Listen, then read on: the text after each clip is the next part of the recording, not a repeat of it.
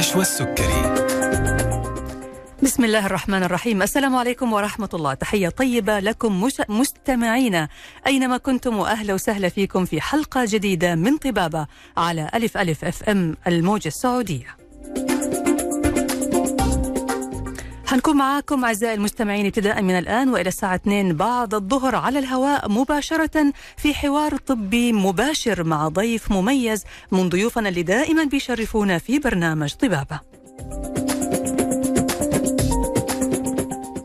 بيسعدنا دائما في برنامج طبابة تواصلكم معنا وتقديم أي استفسار أو تقديم أي إجابة أو استشارة طبعا من خلال ضيفنا اللي بيكون معنا في البرنامج. فإذا حابين تتواصلوا معنا بإمكانكم الاتصال على هاتف البرنامج 012 61 61 100 أو إرسال رسائلكم على واتس البرنامج 055 66 89 01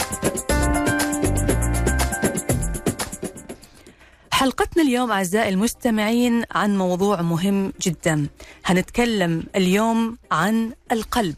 ومثل ما تعرفوا التقنيات الحديثة في علاج القلب والرئتين في تطور وتقدم دائم ومستمر. أصبحت بتمنح المرضى الآن نتائج أفضل ونسبة مخاطر أقل.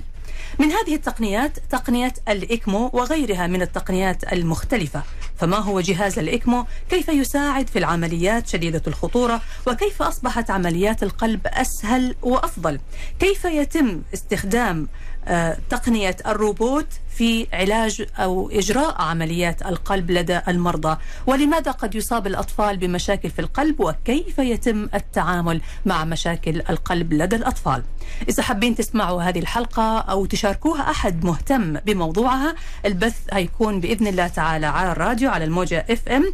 بإمكانكم أنكم تستمعوا لنا في جدة على الموجة 101 الرياض على 94 الدمام 107.5 مكة المكرمة 102.5 والمدينة المنورة 104.5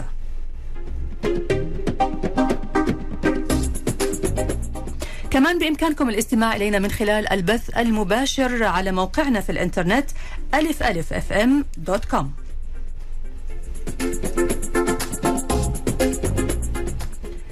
كمان تقدروا تتواصلوا معنا من جميع حساباتنا على ال social media فيسبوك تويتر انستغرام واليوتيوب. بإمكانكم ترسلوا لنا أسئلتكم واستفساراتكم وإن شاء الله ضيف الحلقة هيجاوب عليها.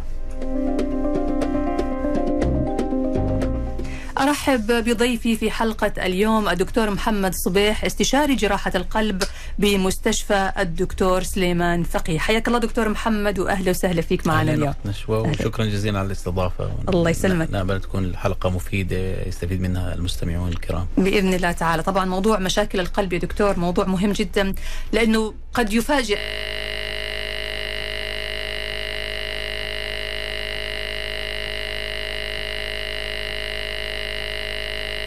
البعض منا. قد نعم. يفاجئ أشخاص عزيزين علينا ونلاقي نفسنا إنه إحنا في ورطة وما عندنا القدرة على التحكم أو التصرف السريع نعم.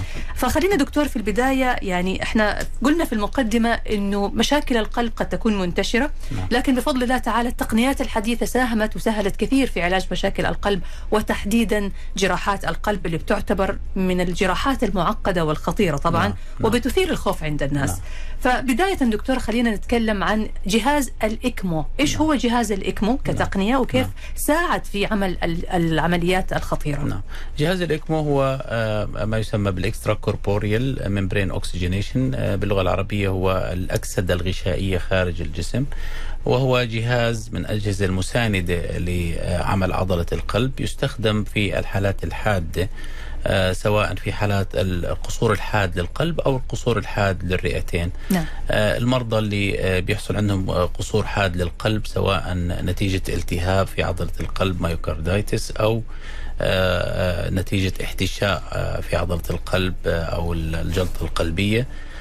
ممكن أحيانا إذا كانت وظيفة عضلة القلب فيها قصور شديد و عن طريق الأدوية آه، لا يستطيع القلب تلبية حاجة بقية أجزاء الجسم من حيث التروية الدموية يمكن أن يتم وضعهم على هذا الجهاز لفترة مؤقتة لحين تعافي عضلة القلب أو آه، آه، لحين وضع المريض على جهاز قلب مساند طويل الأمد أو أحيانا إذا كانت متوفرة خدمة زراعة القلب.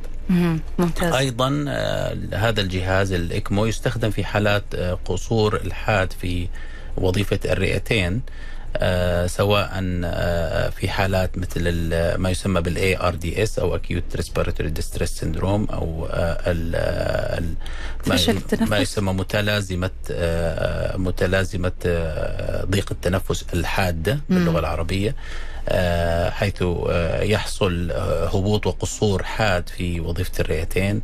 ويعني حتى عن طريق وضع المريض على جهاز التنفس لا يمكن أن يتم أكسدة الدم وتبادل الغازات بشكل يعني كامل.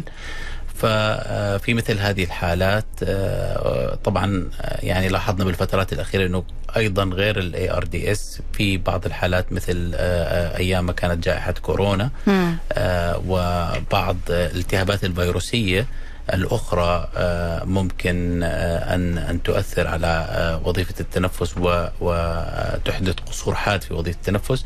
وأحيانا هؤلاء المرضى بيستفيدوا من وضعهم على جهاز الإكمو لعمل أكسدة للدم وعمل تبادل لغاز ثاني أكسيد الكربون. لحين تعافي الرئتين آه، ممكن يحصل خلال أيام أو آه، خلال أسابيع. كثير من الحالات تم إنقاذ حياتها في فترة جائحة كورونا. على مستوى المملكة وعلى مستوى جده تم وضع مئات الحالات على هذا الجهاز. ونسبة النجاح يعني حوالي 50 60% ممكن أن يتعافى المريض ويتم فصله عن الجهاز في عملية فصل المريض عن الجهاز هل هي سهلة دكتور يعني أنا كده فهمت من حضرتك أنه جهاز الإكمو هو جهاز بيستخدم لإنقاذ حياة الشخص نعم. في حالة فشل القلب أو فشل الرئتين نعم. يعني صحيح. القلب قد يتوقف فهو بيدخل بي نعم. بيعمل عملية إضافة أو إدخال الأكسجين في الدم لأنه بدون هذه العملية نعم. الإنسان نعم. يتوفى نعم But. فعملية يعني حضرتك قلت إنه أنقذ حياة من 50 إلى 60% من من الناس أكيد. اللي كانوا خلاص معرضين فعلا للموت المحقق نعم. يعني. نعم تمام. فهذا الجهاز موجود عندكم في سليمان فقيه؟ متوفر حاليا في مستشفى الدكتور سليمان فقيه وإحنا قريبا إن شاء الله بالقريب العاجل سوف يبدأ برنامج الإكمو لعمل مثل هذه الحالات. ممتاز.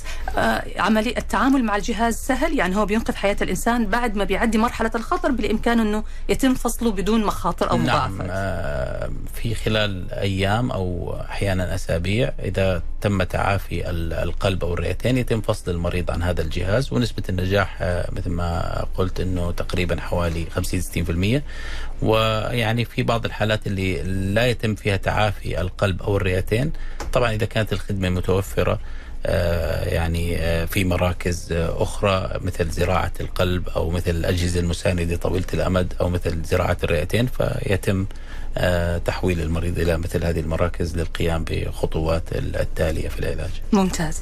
طيب خلينا دكتور آه، نتكلم عن أبرز الخدمات المتوفرة عندكم في نعم. مستشفى الدكتور سليمان نعم. فقيه، يعني قد تكون تقنية أو جهاز الإكمو واحد من هذه نعم. الأجهزة، نعم. لكن آه، إحنا عارفين إنه الآن جراحات القلب بتساهم التقنية فيها وفي نجاحها نعم. تحديدا بشكل كبير جدا، نعم. وبيسعدنا إنه إحنا نعرف إنه في مكان موجود نعم. متاحة فيه هذه التقنيات. نعم. آه نعم في مستشفى الدكتور سليمان الفقيه الحمد لله نحن يعني نقوم بإجراء كافة عمليات آه جراحه القلب من آه خلال عمليات زراعة الشرايين أو تبديل الصمامات أو إصلاح الصمامات عمليات القلب عند الكبار وأيضا كل عمليات القلب عند الأطفال. الخدمة كلها متوفرة آه لدينا فريق متكامل من آه جراحين استشاريين واستشاريين تخدير واستشاريين عناية وفريق ال ICU بشكل كامل. العمليات المعقدة والخطيرة نقوم باجراءها والحمد لله النتائج ممتازة جدا لدينا. وفي رسالة أنا يعني حابب أوصلها من خلال هذا البرنامج وحضرتك تفضلتي فيها إنه عملية القلب معقدة وكبيرة والناس شوية يعني لما يذكر كلمة عملية قلب مفتوح شوي بتخوفوا من هذه العملية. لكن اللي حاب أذكره إنه حتى على مستوى العالم أصبحت عمليات القلب وعندنا في المملكة وفي مستشفى الدكتور سليمان فقيه. نسبة النجاح في عمليات القلب مفتوح أصبحت عالية جدا وذلك لتقدم التقنيات في الجراحة وفي التخدير وفي العناية المركزة.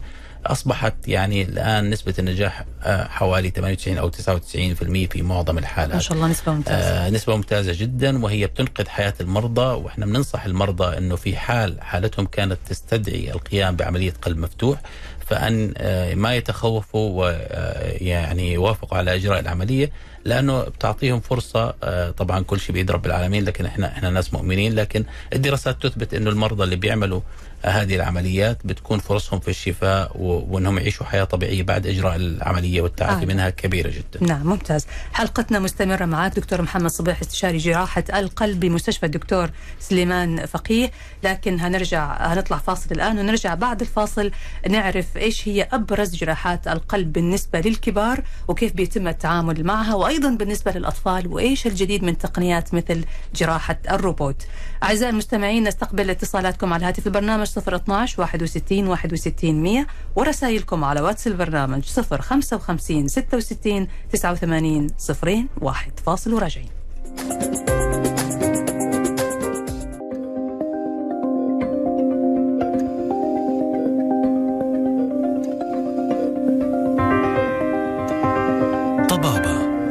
مع نشوى السكري حياكم الله من جديد مستمعينا الأعزاء وأهلا وسهلا فيكم مرة ثانية في برنامج طبابة على ألف ألف أف أم الموجة السعودية ومع ضيف حلقتنا اليوم الدكتور محمد صبيح استشاري جراحة القلب بمستشفى الدكتور سليمان فقيه الطبي وموضوعنا اليوم عن التقنيات الحديثة في علاج مشاكل القلب. حياك الله دكتور محمد وأهلا وسهلا فيك مرة ثانية. أهلا طبعا مستمعينا بنستقبل أسئلتكم على هاتف البرنامج 012 61 61 100 ورسائلكم على واتس البرنامج 055 66 60 89 صفرين واحد طيب دكتور إحنا قبل الفاصل كنا بنسأل بنقول إيش هي أبرز الجراحات اللي بيتم إجراءها للكبار نعم. وقبل ما نوصل لمرحلة احتياج لجراحة إيش اللي نعم. ممكن أصلا يقود الشخص نعم. آه إنه هو يحتاج جراحة طبعا غير إنه التقدم في العمر ومشاكل نعم. الشيخوخة نعم. مثل ما بنعرف يعني يعني أكثر مرض مرض هو مرض العصر الآن هو مرض تصلب الشرايين أو atherosclerosis coronary artery disease تصلب شرايين تاجية. آه، وعوامل الخطورة للأسف هي يعني موجودة بكثرة في مجتمعاتنا مثل مرض السكري، الضغط، آه، ارتفاع نسبة الدهون في الجسم والكوليسترول. آه، بالإضافة إلى التدخين بالإضافة إلى ضغوطات الحياة وال lifestyle يعني هي هذه كلها عوامل خطورة إذا بيسيطر عليها الإنسان ممكن إنه يقلل من نسبة حدوث آه، مرض تصلب الشرايين. آه والكشف المبكر آه أيضا على على الأمراض هذه لأنه للأسف الشديد أغلب المرضى اللي بيجونا في المستشفى بيجوا بعد حصول جلطات في القلب واحيانا هذه الجلطات بتؤدي إلى ضعف في عضلة القلب فبتأثر آه، على آه، يعني العلاج وعلى مستقبل المريض. فبننصح المرضى يجوا آه، بشكل مبكر يتعالجوا من عوامل الخطورة يتم الكشف إذا هم عندهم هذا الانسداد في الشرايين ويتم العلاج حسب الحالة سواء العلاج بالأدوية أو العلاج بالدعامات أو العلاج عن طريق الجراحة. آه ومثل ما قلت سابقا أنه الجراحة الآن أصبحت متطورة ونتائجها آه طيبة جدا على المدى البعيد. آه، طبعا المرضى اللي عندهم انسداد في ثلاث شرايين أو في الشرايين الرئيسي الأيسر هم أفضل شيء لهم هو الجراحة. حتى نتائجها على المدى البعيد أفضل حتى من العلاج بالأدوية والدعامات. وفي حال إنه الأطباء قرروا جراحه للمريض جراحة الشرايين. آه، ننصح المرضى بقبول هذه العملية. العملية هي ما يسمى باللغة الإنجليزية coronary artery bypass grafting أو كابج باللغة العربية ترقيع الشرايين التاجية أو تطعيم الشرايين التاجية أو باللغة الدارجة العامية عمل كباري لمنطقة الانسداد. هي عملية قلب مفتوح يتم فتح الصدر وأخذ شريان من جدار الصدر يسمى الشريان الصدري الأيسر في معظم الحالات وفي بعض الحالات الشريان الصدري الأيمن. بالإضافة إلى أنه نستعين ببعض الأوردة من من الساق.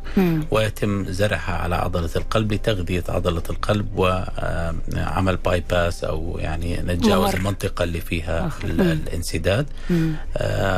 والمريض بيجلس في المستشفى تقريبا يعني يومين أو ثلاثة في العناية المركزة بعد إجراء العملية. وحوالي أربع أو خمس أيام في الوورد الطابق ويعني بغادر المستشفى عادة خلال أسبوع من العملية وبيتعافى بشكل تام من العملية بعد حوالي تقريبا ستة أسابيع وبيرجع لممارسة حياته الطبيعية. يعني حضرتك الآن تقصد أنه الأشخاص اللي عندهم انسداد في الشرايين تحديدا شرايين نعم. القلب نعم. بيتم آه، مو استبدال الشريان بينعمل شريان بديل وصلة شريانية وصلة نعم، شريانية نعم، على نعم، أساس أنه نعم. الدم يمر منها نعم. فبالتالي ما يصير في شيء يمنع تدفق الدم نعم. ممتاز هذه العملية دكتور يعني كلمة قلب مفتوح نعم. كلمة مفجعة نعم. صراحة كلنا نخاف منها نعم. لما نسمع أنه عملية قلب مفتوح نعم. يعني حتى كان زميلنا مخرج البرنامج قبل الحلقة يقول لي يا دكتور كنتوا كيف تفتحوا نعم. ال- القلب نعم. فحضرتك بسطت له الموضوع وقلت له الموضوع مو بهذه الصورة هو بس أكيد. فتح للصدر نعم. علشان نقدر نتعامل مع عضلة القلب نعم. لكن نتائجها جيدة نتيجة ممتازة جدا نت- نسبة نجاحها في معظم الحالات خاصة إذا المريض جاء بدري وكانت عضلة القلب ما زالت يعني آه، تعمل بشكل آه، ممتاز آه، نتائج ال- الجراحة تقريبا آه، مثل ما قلت حوالي 98 إلى 99% نسبة النجاح يعني مهم. طيب هذا بالنسبة للي عنده انسداد نعم اللي عنده جلطة في القلب يا دكتور كيف بيتم التعامل معه؟ آه، نفس الشيء ال- الجلطة هي سببها الانسداد ولكن الانسداد يصير آه، تام في. الشريان مم. فأحيانا الجلطة هي بتكون الأول برزنتيشن أو أول ما يجي المريض عنا بتكون عن طريق الجلطة أو ممكن يكون عنده أعراض ألم في الصدر أو ذبحة صدرية كل ما يمشي بصير عنده ألم في الصدر. ف فهذه الأعراض اللي المرضى بيجوا فيها بيشوفوا آه، استشاري آه، القلب والتداخلات القلبية. مم. آه، وبيتم تقرير قسطرة للشرايين التاجية التشخيصية. يتم عمل القسطرة التشخيصية وبعدين يعني حسب النتائج ومكان الانسدادات يتم النقاش بيننا وبين أطباء زملائنا أطباء ال- القلب. إذا كان هناك انسداد في شريان واحد آه، أو في منطقة واحدة ممكن يعني يتم علاجه عن طريق الدعامات. إذا كان في شرايين متعددة والمنطقة بعد الانسداد ممكن أن حجم الشريان آه، جيد لل- للزراعة فيتم تحويل الحالة إلى الجراحة تقوم بإجراء الجراحة ويتعافى المريض بعد أسبوع يخرج من المستشفى. تمام القسطرة هنا المقصود بها حضرتك تقول قسطرة للتشخيص ففي نعم. عندنا قسطرة تشخيصية نعم. وفي قسطرة علاجية, علاجية، اللي هي نعم. الجراحية نعم، نعم. التشخيصية هذه بتدخل بتستكشف يعني ال- نسب الانسداد أو وجود الجلطات داخل نعم الشرايين تصوير الشرايين تصوير. و- وبعدين إذا كان ما فيها شيء ما في انسدادات أو الانسدادات بسيطة خلاص. يتم العلاج بالأدوية إذا الانسدادات شديدة مم. يتم اتخاذ القرار من قبل الفريق المعالج آه، هل هو انسداد في منطقة واحدة أو في شريان واحد وهل الحالة تستدعي التحويل الجراحة أو يمكن آه، عمل آه، دعامات وفي نفس يعني الجلسة اللي هي القسطرة التشخيصية تتحول في نفس الجلسة إلى قسطرة علاجية ويتم وضع الدعامة إذا كانت الحالة لا تحتاج إلى جراحة. ممتاز. طيب بالنسبة للصمامات يا دكتور كيف نعم. بيتم التعامل مع مشاكل الصمامات؟ يعتقد لازم تغيير للصمام. نعم. ال- ال- الصمامات يعني هو مرض ثاني يعني قصور في وظيفة صمامات ال- القلب سواء الصمام الإيورطي الصمام ال- ال- أو يسمى الأبهري أو الصمام التاجي آه، الصمام الثلاثي. آه، القصور هذا إما بيكون ارتجاع في الصمام أو تضيق في الصمام وله أسباب آه، متعددة منها ال- ال- الكثير شائع في مجتمعاتنا ال- اللي هي ال- الروماتيزم آه، والناس اللي بيكون عندهم رو- روماتيك فيفر أو حمى روماتيزمية في الصغر لأنه حصل عندهم التهابات ولم يعني هم أطفال. ولم يعني يتلقوا المضادات الحيوية ال- المناسبة. آه، ممكن تأثر على الصمام تعمل فيه التهاب مع تقدم العمر هذا الالتهاب يؤدي إلى آه، تضيق في الصمام. تمام. آه، فالمرضى اللي عندهم تضيق أو ارتجاع في هذه الصمامات بيحصل عندهم أعراض آه، يعني تعب ضيق في النفس ممكن حدوث آه، يعني ارتشاح أو سوائل في الرئتين. آه، فعندما يأتي المريض إلى المستشفى إلى طبيب القلب آه، يعاني من هذه الأعراض. آه، بيتم عمل echocardiography أو تصوير آه، للقلب. وبيبين إنه في آه، انسداد أو ارتجاع. أو وهناك يعني إذا كان الانسداد بسيط أو متوسط ممكن يعني العلاج بالأدوية ومتابعته. لكن إذا إذا الانسداد شديد آه، يحتاج إلى تداخل جراحي. نسب النجاح التدخل الجراحي هنا؟ نفس الشيء نسبة آه، النجاح إذا كان المريض جاي بدري وعضله القلب ما زالت لأنه إذا المريض عنده انسداد أو ارتجاع في الصمامات لفترة طويلة مع مرور الوقت تتضخم عضلة القلب وتضعف. آه ممكن يحصل عندهم مشاكل أخرى مثلا رجفان اذيني، تغير في نبض القلب. فإذا جاء المريض يعني في بداية الأمر وما زالت العضلة قوية أيضا التعافي من العملية بيكون بشكل ممتاز ونسبة النجاح عالية جدا. بالنسبة للصمامات أيضا فوق ال 95 أو 96% بالنسبة لعمليات الصمامات. بيمارس الشخص حياته بشكل طبيعي بعد العملية بشكل طبيعي. الصمامات طبعا يعني الآن في حديث كثير عن زراعة الصمامات بالقسطرة. ما زال الموضوع في بدايته يعني من حوالي 10 15 سنة فقط. هو أكثر شيء ناجح بالنسبة للصمام الأبهري عملية زراعة الصمام بالقسطرة أو اختصارها باللغة الإنجليزية هي TAVI. أو transcatheter aortic valve implantation ما شاء الله دكتور المصطلحات العلمية الطبيه أنا بحاول يعني قدر الإمكان إنه ما يعني أكثر كثير بالمصطلحات العلمية لكن يعني نذكرها حتى لو المستمع يعني سمع مهتم بالموضوع ونحاول نترجمها ونبسطها باللغة العربية. تمام. فهذه يعني ما زالت في بدايتها وتعمل في الحالات اللي هو بيكون هاي ريسك أو خطورة خطورة مرتفعة مرتفعة إنه المريض يروح العملية الجراحية م. سواء عضلة القلب ضعيفة جدا أو المريض كبير جدا في السن.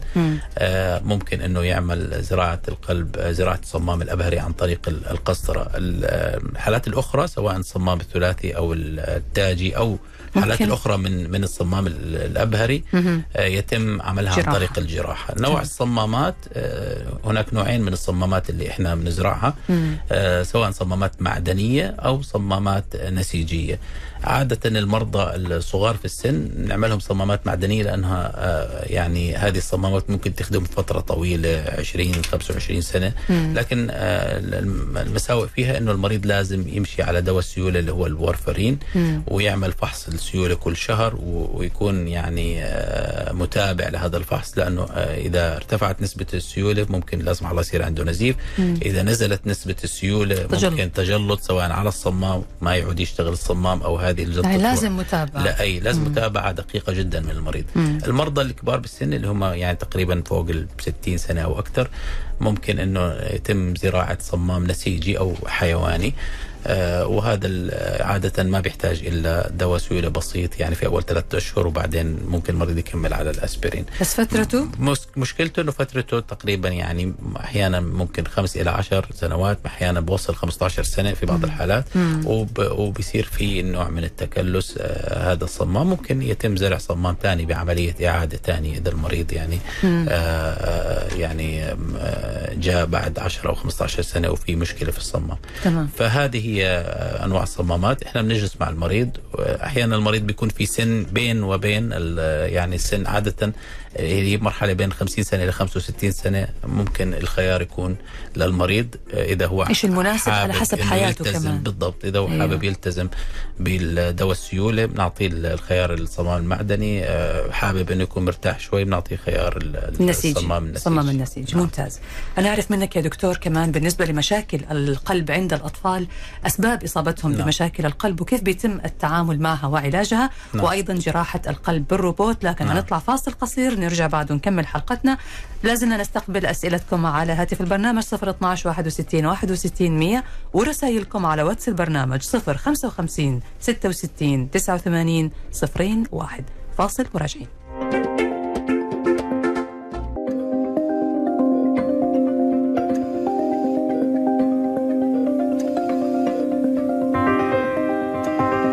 طبابة مع نشوى السكري.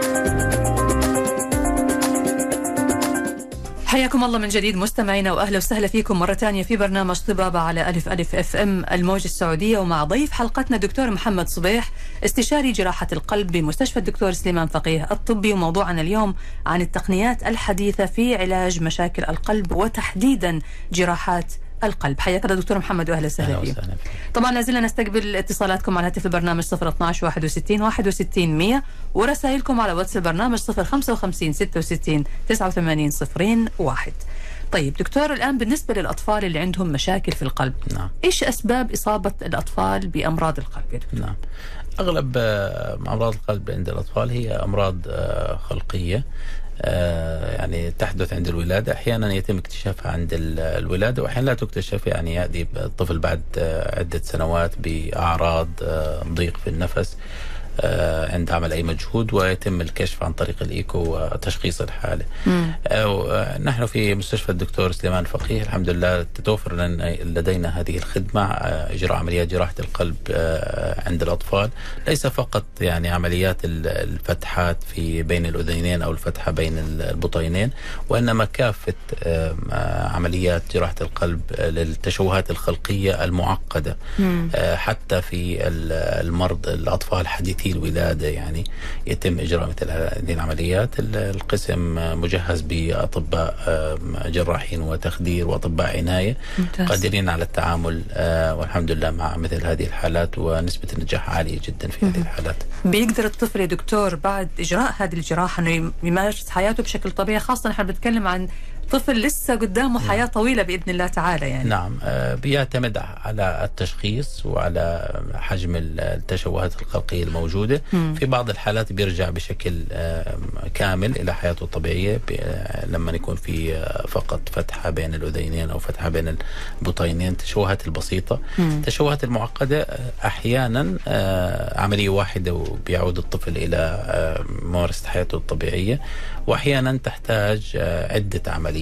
يعني على مراحل آه، لتصحيح هذا التشوه الخلقي الموجود. مهم. ما بعد الجراحة؟ نعم. إيش المطلوب من الوالدين طبعا لمتابعة طفلهم والاهتمام بحالته علشان ما يصير في عنده انتكاسات لا قدر الله؟ نعم آه، يعني هو المفروض يكونوا آه، واعيين تماما بحجم العيب الخلقي الموجود آه، في القلب وعلى تواصل دائم مع جراح القلب بعد الجراحة. لأخذ التعليمات تواصل دائم مع طبيب قلب الأطفال أيضا. الالتزام بالتعليمات بالالتزام بالعلاج لأنه ليس فقط عمل العملية معناته إنه الطفل يعني ما بيأخذ علاجات ممكن يحتاج إلى علاجات القلب بعد كده وبحاجة إنه متابعة من الأهل خاصة الأطفال صعب إنه يعني يلتزموا بالعلاج بدون متابعة الأهل. آه، للأسف في كثير أطفال بيعملوا العمليات وبعدين بيغيبوا فترات وبيرجعوا بعد فترة بيكون يعني آه، حصل تضخم في العضلة أو قصور في عضلة القلب فبننصح الأهل آه، في عمل آه، مثل هذه العمليات خاصة تشوهات القلب المعقدة أنه يتابعوا باستمرار مع طبيب ال- ال- القلب الأطفال آه، لعمل آه، تصوير القلب بين فترة وأخرى وعمل فحص سريري آه، بحيث أنه إذا في أي آه، حاجة لإجراء جراحات آه، أخرى أو قسطرة بعد كده يتم عملها قبل آه، حدوث آه، مضاعفات. تمام طيب على الجانب الآخر دكتور في بعض من الأهالي بيبالغوا في العناية بالطفل نعم. بعد إجراء الجراحة نعم. تقريبا بيوقفوه عن ممارسة أي شيء في الحياة نعم. وبده يلعب يبغى يروح يعني نعم.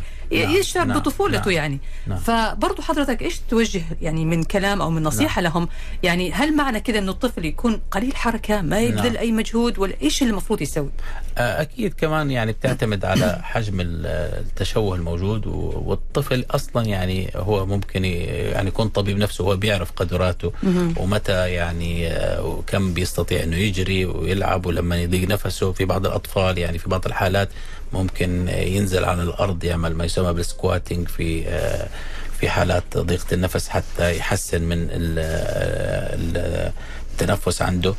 فأعتقد إنه يعني آه لازم يعني حجم ال- الإكسرسايز أو المجهود اللي بيبذله الطفل يكون يعني معتمد على تفهمهم للمشكلة في بعض المشاكل زي ما تحدثنا وجود فتحة في القلب يعمل عملية ويرجع طبيعي 100% ممكن يمارس نشاطاته زيه زي أي آه، يعني آه، آه، شخص آخر. في منهم بيصيروا اثليتس ورياضيين يعني بعد عمل مثل هذه العمليات. فهو دائما يعني أعتقد هو التواصل مع طبيب القلب والجراح ومعرفة التشخيص بشكل كامل الإلمام بالتشخيص هو أفضل شيء في التعامل مع الطفل بعد إجراء هذه العمليات. جميل. طيب بالنسبة لتقنية الروبوت يا دكتور نعم. لأي مدى ساهمت في تحسين النتائج نعم. وفي آه، يعني تقليل نسب الوفيات طبعا لا قدر الله و- ودقة إجراء جراحات القلب نعم. ال- الروبوت أيضا هي آه، تقنية حديثة في الجراحة بشكل عام آه، أكثر شيء يعني في جراحة ال- النسائية وفي جراحة المسالك البولية تم استخدامها. حتى في الجراحه العامة آه، أيضا يتم استخدام الروبوت. وحاليا في جراحة القلب يتم استخدام الروبوت في إجراء عمليات القلب. معلش دكتور هو كيف بيتم استخدام نعم. الروبوت؟ أنا لما أسمع كلمة الروبوت أتخيل إنسان آلي نعم. وهو اللي واقف مكان الطبيب في غرفة العمليات. نعم. بس هو ال- الشكل مو كذا ابدا. نعم. هو الروبوت مثل ما تفضلتي هو يعني جهاز مثل الإنسان الآلي له أذرع. مم. يتم تركيبها على المريض من خلال الجراح والجراح هو اللي يقوم بتركيب الجراح برضه هو اللي بي بيركبها على المريض. مم. آه، لكن بعد ما يركب ال- ال- الروبوت والأذرع بتاعت الروبوت على آه، على المريض بيروح الجراح على غرفة جانبية سواء داخل غرفة العمليات أو خارج غرفة العمليات وبيقوم بتحريك الروبوت بدقة. آه، عن طريق ال- الجهاز. آه، والجراح هو اللي بيحرك الروبوت. okay الروبوت هو اللي بيشتغل مم. لكن الجراح بتوجيه من بتوجيه من الجراح. مم. الهدف من مثل هذه العمليات يعني آه، أحيانا تحريك الروبوت بيكون أدق. يعني عامل الاهتزاز الموجود ممكن يكون في إيد ال- الجراح بيكون أقل فبتكون دقة العملية أكثر. هذا واحد من الادفانتجز أو ال- ال- المحاسن الإجراء العمليات عن طريق الروبوت. وأحيانا الوصول إلى أماكن صعب الوصول لها آه، عن طريق يد الجراح داخل الجسم. بيكون أفضل والأنجل الزوايا اللي الروبوت بيشتغل فيها بتكون أفضل من الاستخدام يد الجراح في ال field أو في منطقة العمليات. ممتاز. الروبوت بيفيدكم أنتم كجراحين قلب نعم. كيف؟ في أي عمليات في أي- الآن بدأ بالتدريج يدخل الروبوت. إحنا يعني الآن الحمد لله الروبوت أصبح متوفر في مستشفى الدكتور سليمان الفقيه وإن شاء. الله قريبا جدا حنبدأ في إجراء عمليات القلب عن طريق الروبوت. طبعا آه، يعني يجب أن ننوه إنه ليس كل عمليات القلب آه، يتم إجراءها عن طريق الروبوت لأنه في المرضى لما يسمعوا إنه في روبوت فكلهم عاوزين يعملوا عن طريق الروبوت. آه، فقط في حالات حاليا متوفر الخدمة في حالات يعني محدودة جدا وهي أن يكون في هناك شريان واحد مسدود في الجسم آه، يتم عمل يعني وصلة شرياني شريانية من جدار الصدر من الشريان الصدري الأيسر. مم. يتم أخذه عن طريق الروبوت وزراعته على آه، آه، سطح عضلة القلب. يعني هو زراعة شريان واحد أما المرضى اللي بيحت- بيحتاجوا عدة. زراعة ثلاثة أو أربع شرايين أو عمليات الصمام مم. ما زالت تعمل بالطريقة التقليدية لازم الجراح بنفسه بيده. جراحة ال- القلب المفتوح وفتح الصدر مم، ممتاز حلقتنا مستمرة معك دكتور محمد صبيح استشاري جراحة القلب بمستشفى الدكتور سليمان فقيه الطبي هنواصل حلقتنا بعد ما نطلع فاصل قصير ونرجع بعد ونكمل حوارنا وناخذ أسئلة المستمعين بإمكانكم التواصل معنا على واتس البرنامج 055 66 89 01 فاصل ونواصل.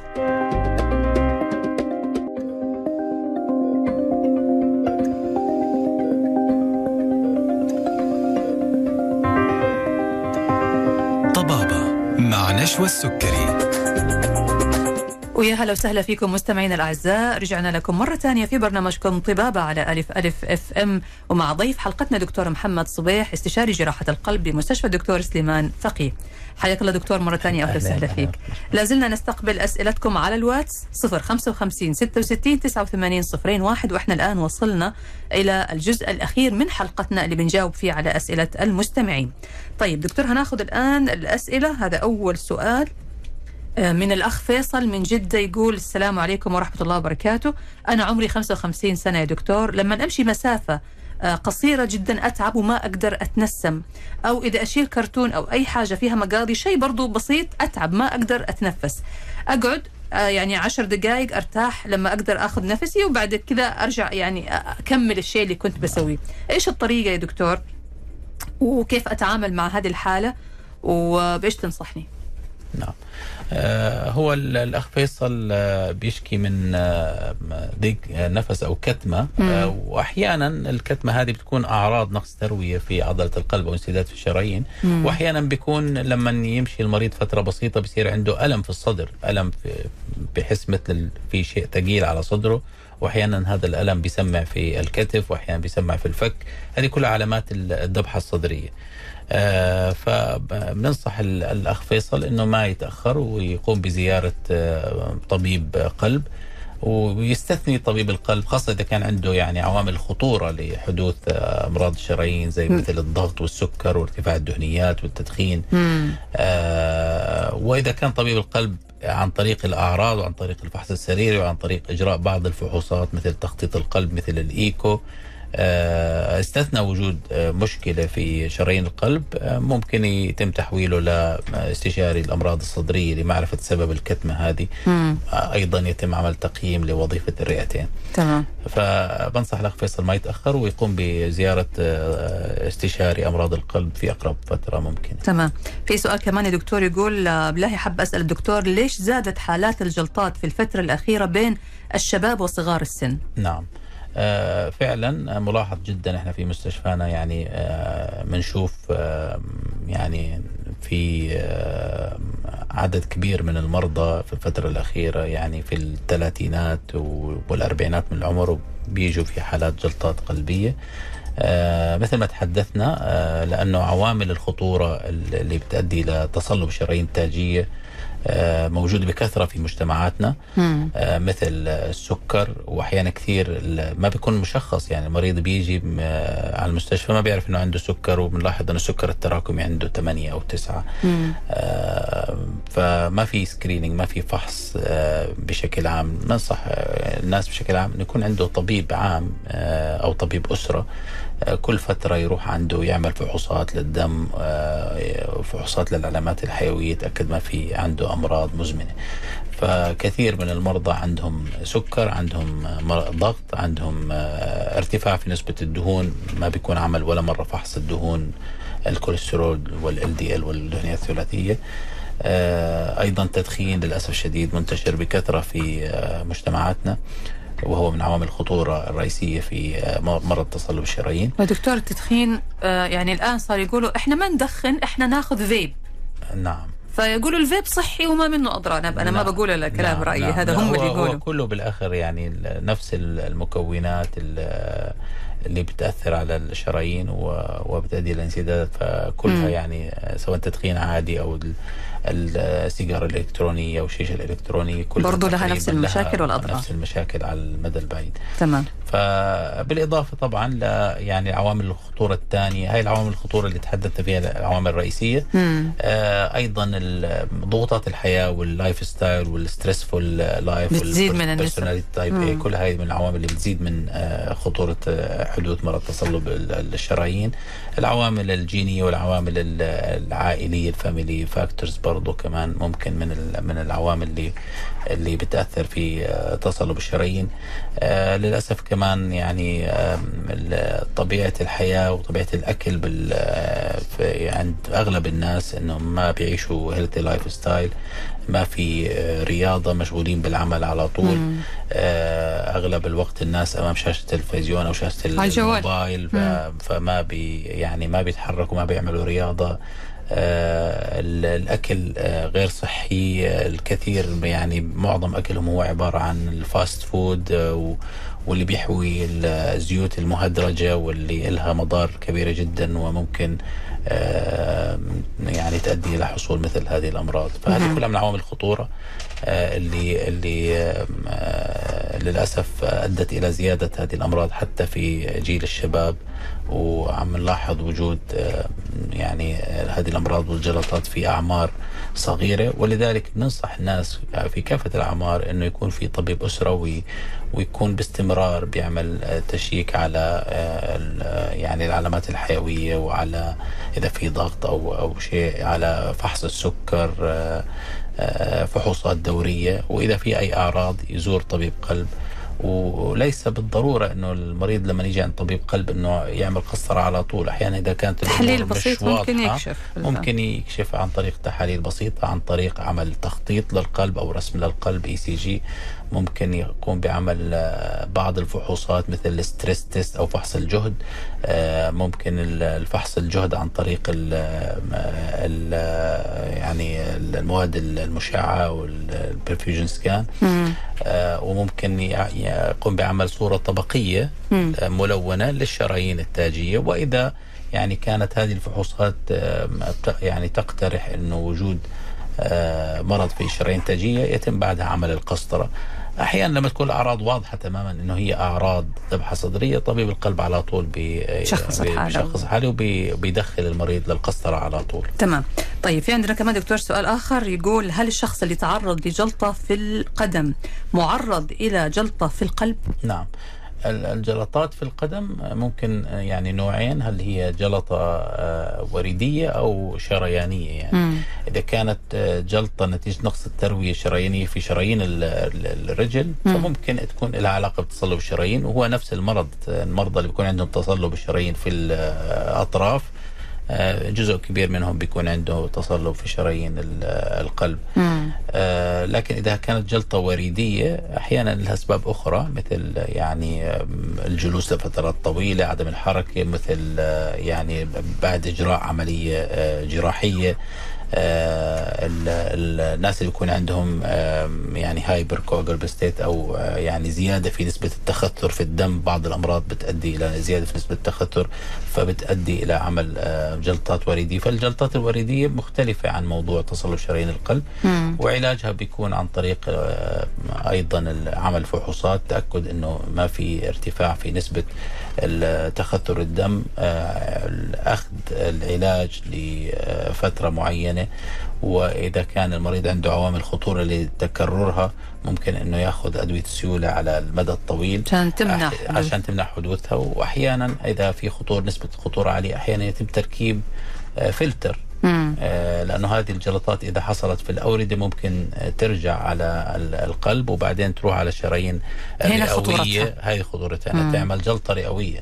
إذا عملت جلطة رئوية ممكن تأثر كثير على نفس ال- ال- المريض وتعمل كتمة عند المريض وإذا كانت جلطة كبيرة ممكن تكون بشكل خطورة على حياته. فلذلك إذا كان في آه، نسبة خطورة عالية من هذه الجلطات تكررها جلطات في ال- الأوردة آه، متكررة. مم. ممكن المريض يحتاج إلى وضع فلتر في ال- الوريد الأجوف السفلي عشان يحميه عشان من يحميه من آه، من هذه الجلطات تذهب إلى الرئتين. جميل. قبل ما انهي الحلقة يا دكتور في يعني نص دقيقة كده الآن كجراح. نعم. إيش الأشخاص العاديين ممكن يعملوا؟